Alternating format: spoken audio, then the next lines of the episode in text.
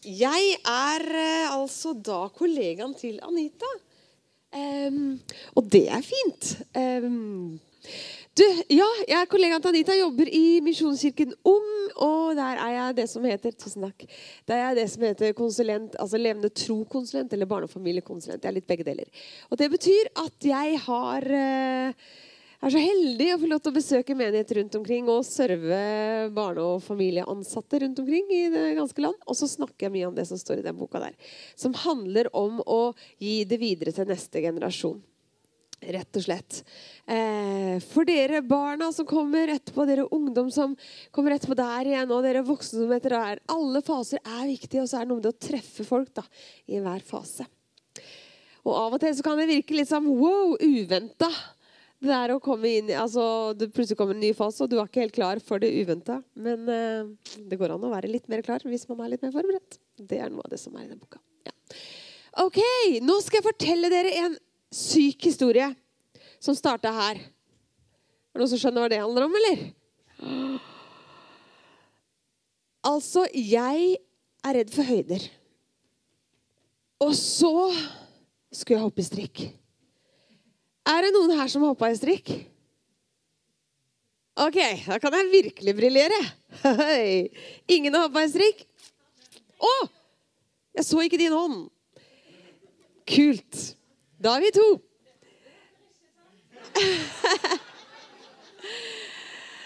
Det vet du hva?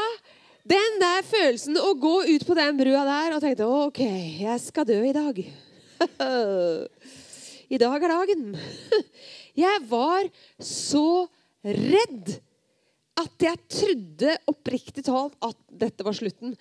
Da han festa de der tinga rundt beina på meg, altså fikk det her selesystemet på plass Det var nå én ting, men så skulle jeg gå ut på den der rampa, eller hva det heter, som du liksom må stå på da, for å holdt på å si, bli dytta utfor.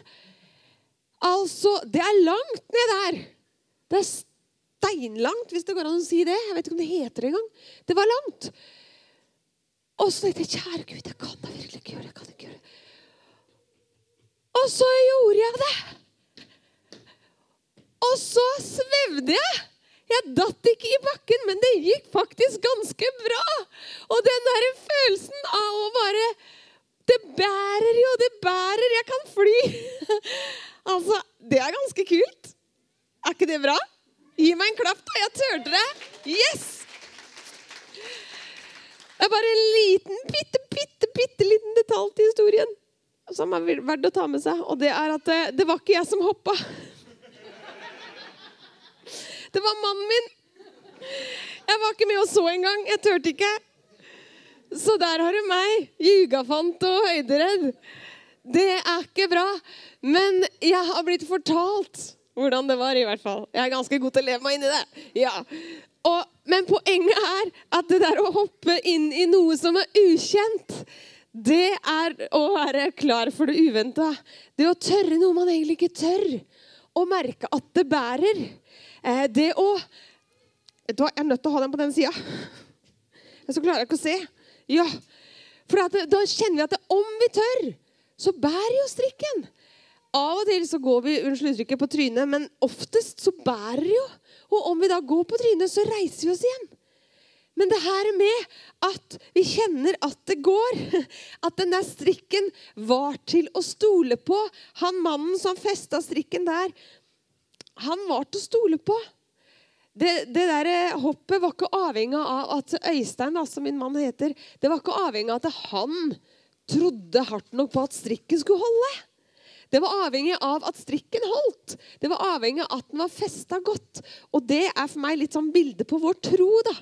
Hvis han tror at Jesus Kristus er Guds sønn Det er ikke avhengig av om jeg tror sterkt nok, eller om jeg liksom woo, svever bra nok. Men det er avhengig av at den er festa godt nok av Gud sjøl i en historisk hendelse som var for 2000 år sia. Eh, nemlig det faktum at Jesus ble levende igjen, vant over døden. Det er det min tro er festa i. At Jesus er Guds sønn, og han har vant, vant over døden. Er det noen av dere som har hatt bursdag noen gang? Jeg tror det. Jeg tror ganske mange av dere har hatt bursdag noen gang. Er det noen av dere som har fått en pakke? Ja.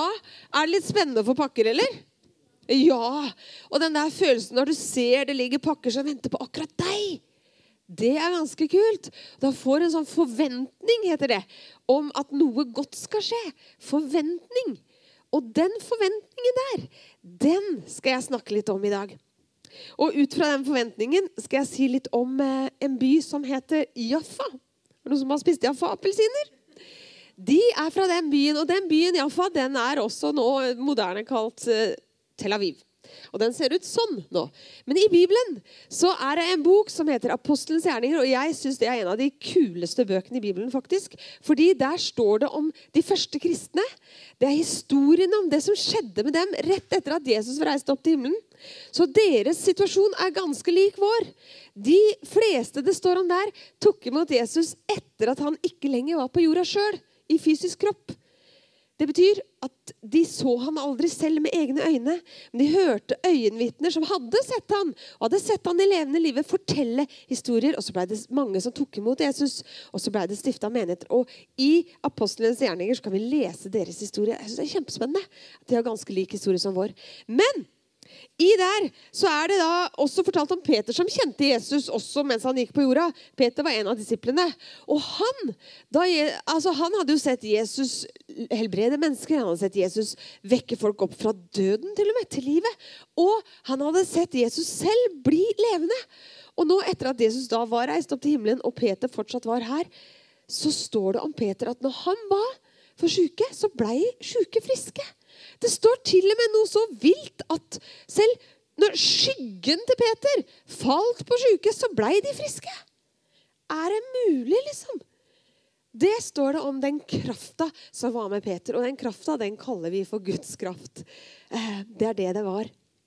Og nå så står det om at Peter vært, var i en by som het Lod. Jeg vet ikke helt hvordan hun sier det. Lod, ja. L-O-D. Lodd. Lod. Lod. Ja. Lodd. Lod. Eh, han var der i hvert fall. Og i byen rett i nærheten så bodde det en dame som het Tabita, i en by som da het Jaffa. Og i Jaffa så står det om at det bodde altså en kvinnelig disippel som het Tabita. På gresk, De både gresk, altså jeg hadde begge språk her, så de, på gresk så kalte jeg for Dorkas. Og Tabita hun gjorde mye godt, og hun tok seg av de fattige. Men akkurat på den tida her så ble jeg sjuk.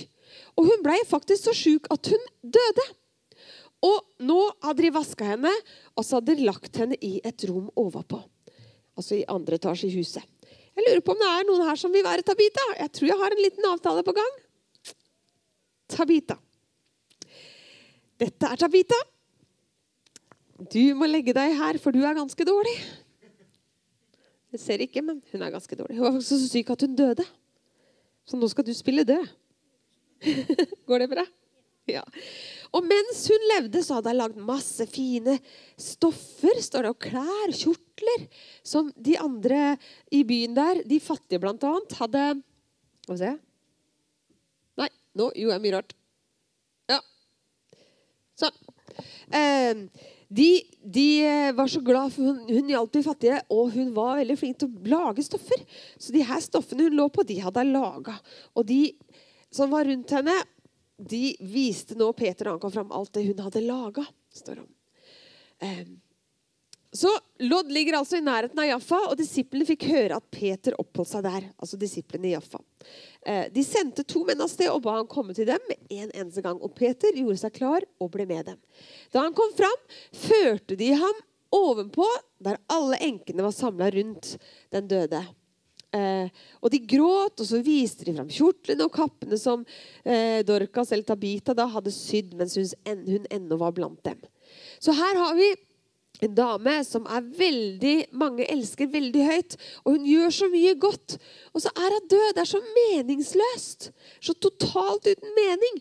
Og de er så lei seg, og de gråter. Og de tenker åh, Peter må da kunne be for denne dama vår, så at hun kan bli levende igjen.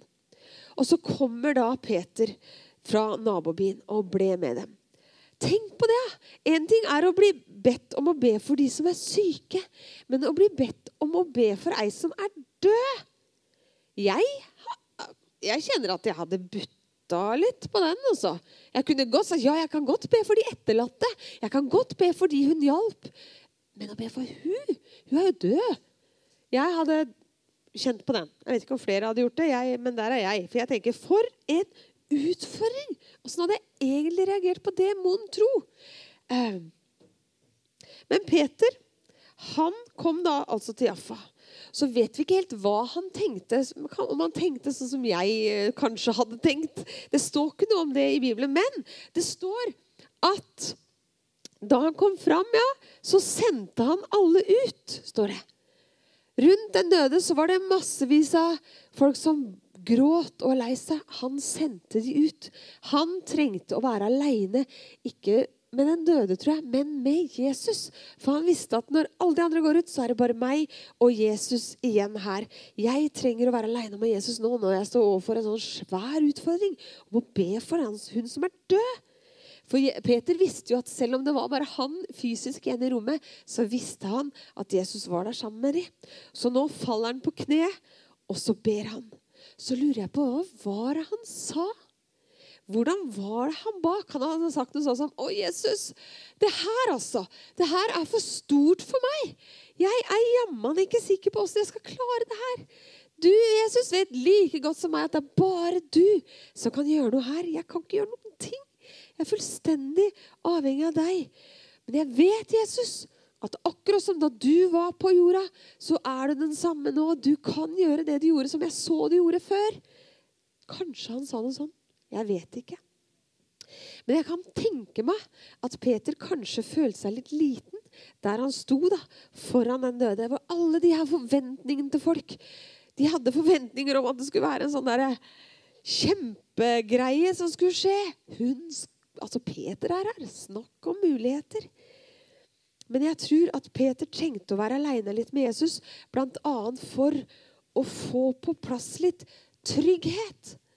Er det noen av dere som har en sånn bamse hjemme som de er glad i, eller? Vet i hvert fall Malene har en. Har til og med seg nå. Er det noen andre som har hatt eller har en sånn bamse hjemme? Ja. Og det å ha en bamse du skal sove, så bare Å, du kjenner at er tryggere. Det er noe godt å holde på. Og jeg lurer på om at Peter trengte å være alene med Jesus litt der for å på en måte Å, Jesus, hold meg. Som om jeg, som jeg holder den bamsen her. Gi meg den tryggheten jeg trenger nå for å kunne face det her svære som ligger foran meg. Et dødt menneske som de vil jeg skal be for. Det er kjempeutfordrende.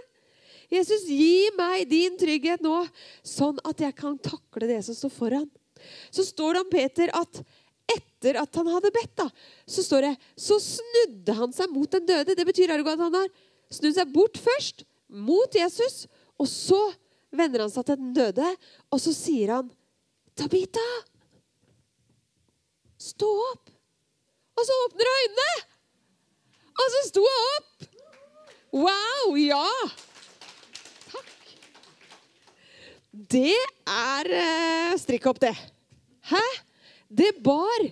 Han sa ikke så store trylleord. Han sa 'Tabita, stå opp'. Fordi Gud var med ham. Så var Du sa noe om Guds rike. Hvor er du? Som hadde nattverden der. Guds rike er nær. Guds rike var nær da. Det er nær nå. I Peter, i deg, som tror på Jesus.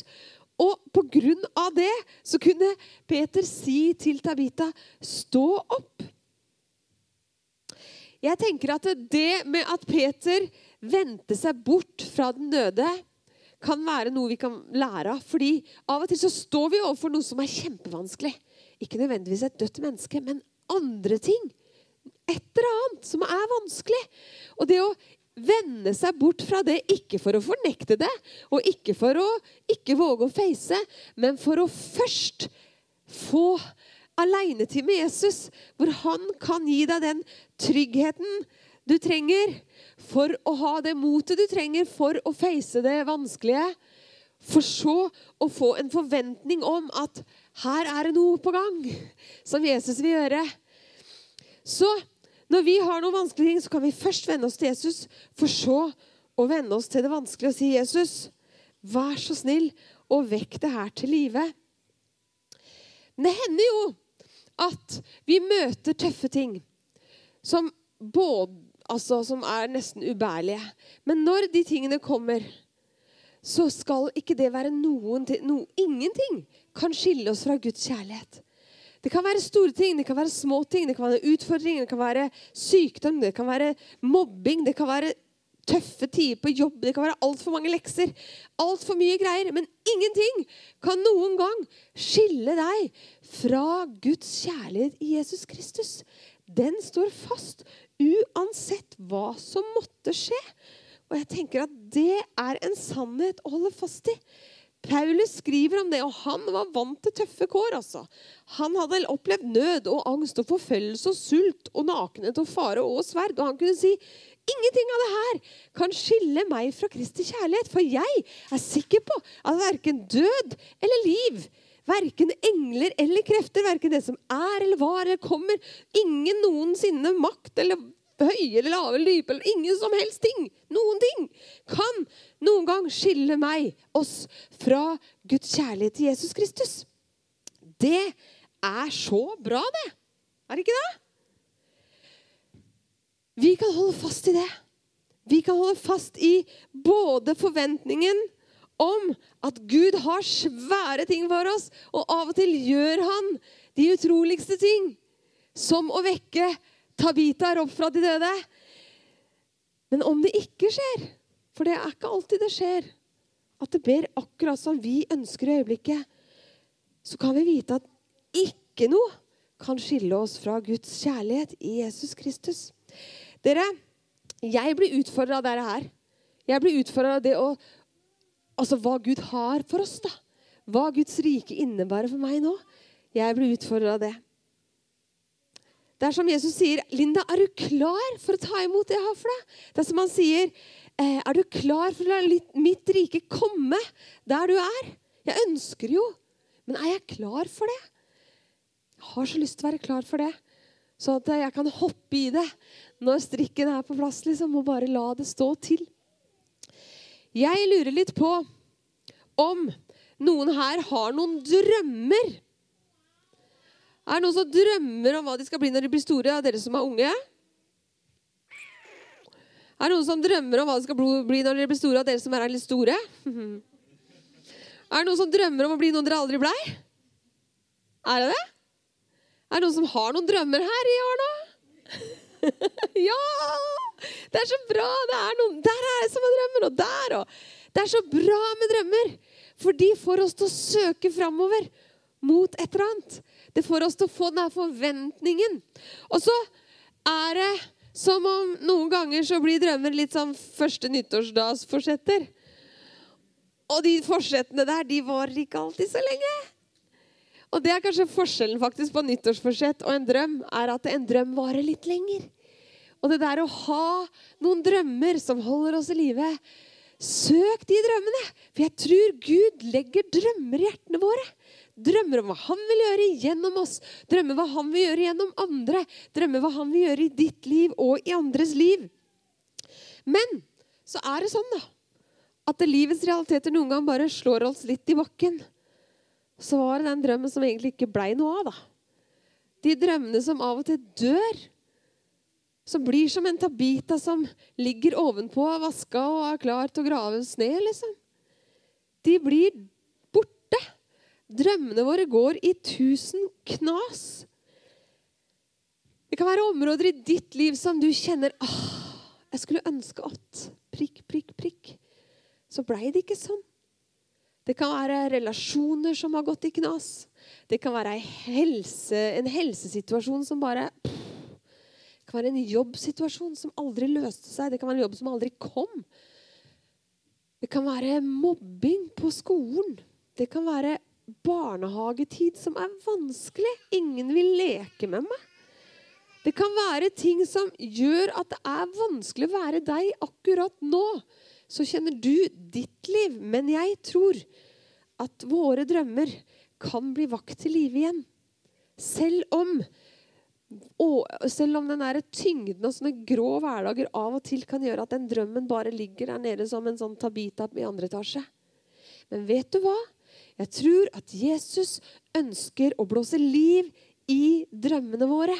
Drøm du har for deg selv, drøm du har for familien din, drøm du har for kollegaene dine, for menigheten din, for lokalsamfunnet ditt. Drømmene du har for hva det enn måtte være.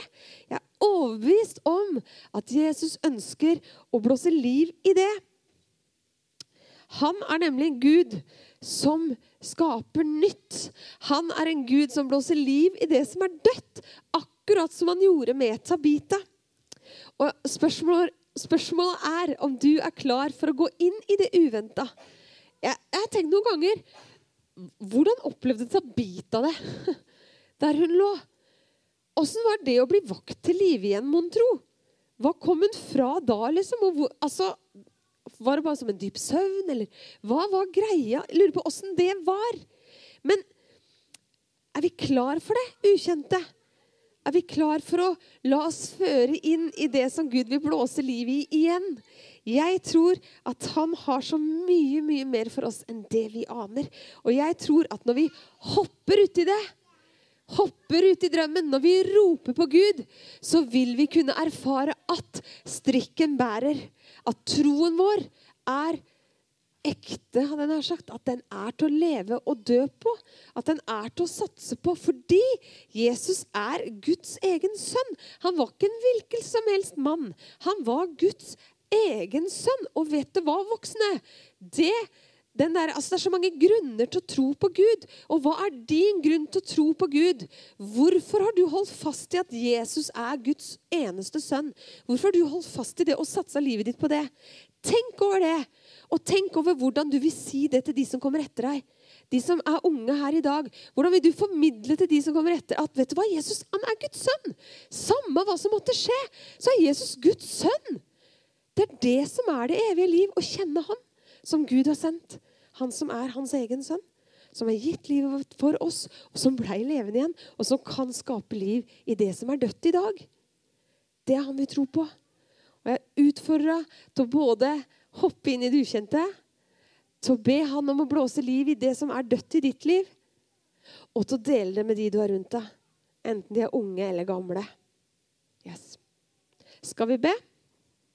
Jesus, jeg har lyst til å si takk fordi at du er den du sier at du er. Takk, Jesus, at du er Guds sønn, og du vant over døden. Og vi kan tro at det er sant, og at det gjelder oss, det du har gjort. Takk, Jesus, at du er en som gjør liv av død. Som du vakte Tabita til liv. Den gangen kan du vekke ting til live i våre liv, Jesus. Enten det er helt konkret og fysisk, at vi trenger helbredelse, eller at det er drømmer og andre ting som ligger dødt. Jeg ber Jesus om at du skal komme med ditt liv, og at vi skal søke deg og be deg om å peppe oss opp, da, så vi kan face det som er vanskelig be deg om å bringe liv inn i det. Jeg synes Hjelp oss å dele det til andre. Og jeg ber for alle de som er her nå, at du skal velsigne de.